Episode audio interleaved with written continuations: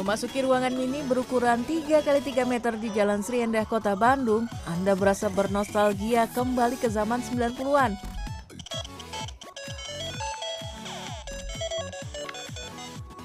Puluhan konsol mainan yang berjaya di setiap eranya berjejer memenuhi setiap sudut ruangan. Marwan sang kolektor mulai mengoleksi beragam jenis konsol sejak 4 tahun lalu. Marwan tak hanya sekedar mengoleksi konsolnya, tapi juga software permainannya.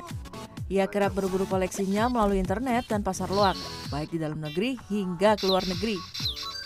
Dulu memang nggak kesampaian untuk beli, nah sekarang karena memang udah kerja bisa menghasilkan uang, jadi saya istilahnya balas dendam masa kecil saya yang yang gak bisa dulu tuh ngebeli konsol-konsol retro kayak gini gitu berbagai macam sih kayak mungkin yang terkenal di Indonesia kayak Atari, Sega, Nintendo dan lain-lain lah kayak gitu.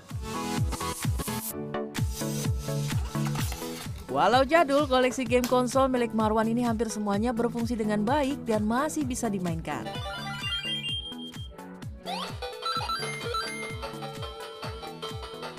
Diakui oleh Marwan, untuk hobinya ini ia memang harus mengeluarkan kocek yang tidak sedikit, tapi ia juga berhasil meraup cuan dari kegemarannya ini. Jika ia memiliki lebih dari satu jenis konsol ataupun permainan, ia akan menjualnya. Salah satu koleksi yang ia miliki bahkan pernah dijual hingga 12 juta rupiah. Yang Permatasari, Bandung, Jawa Barat.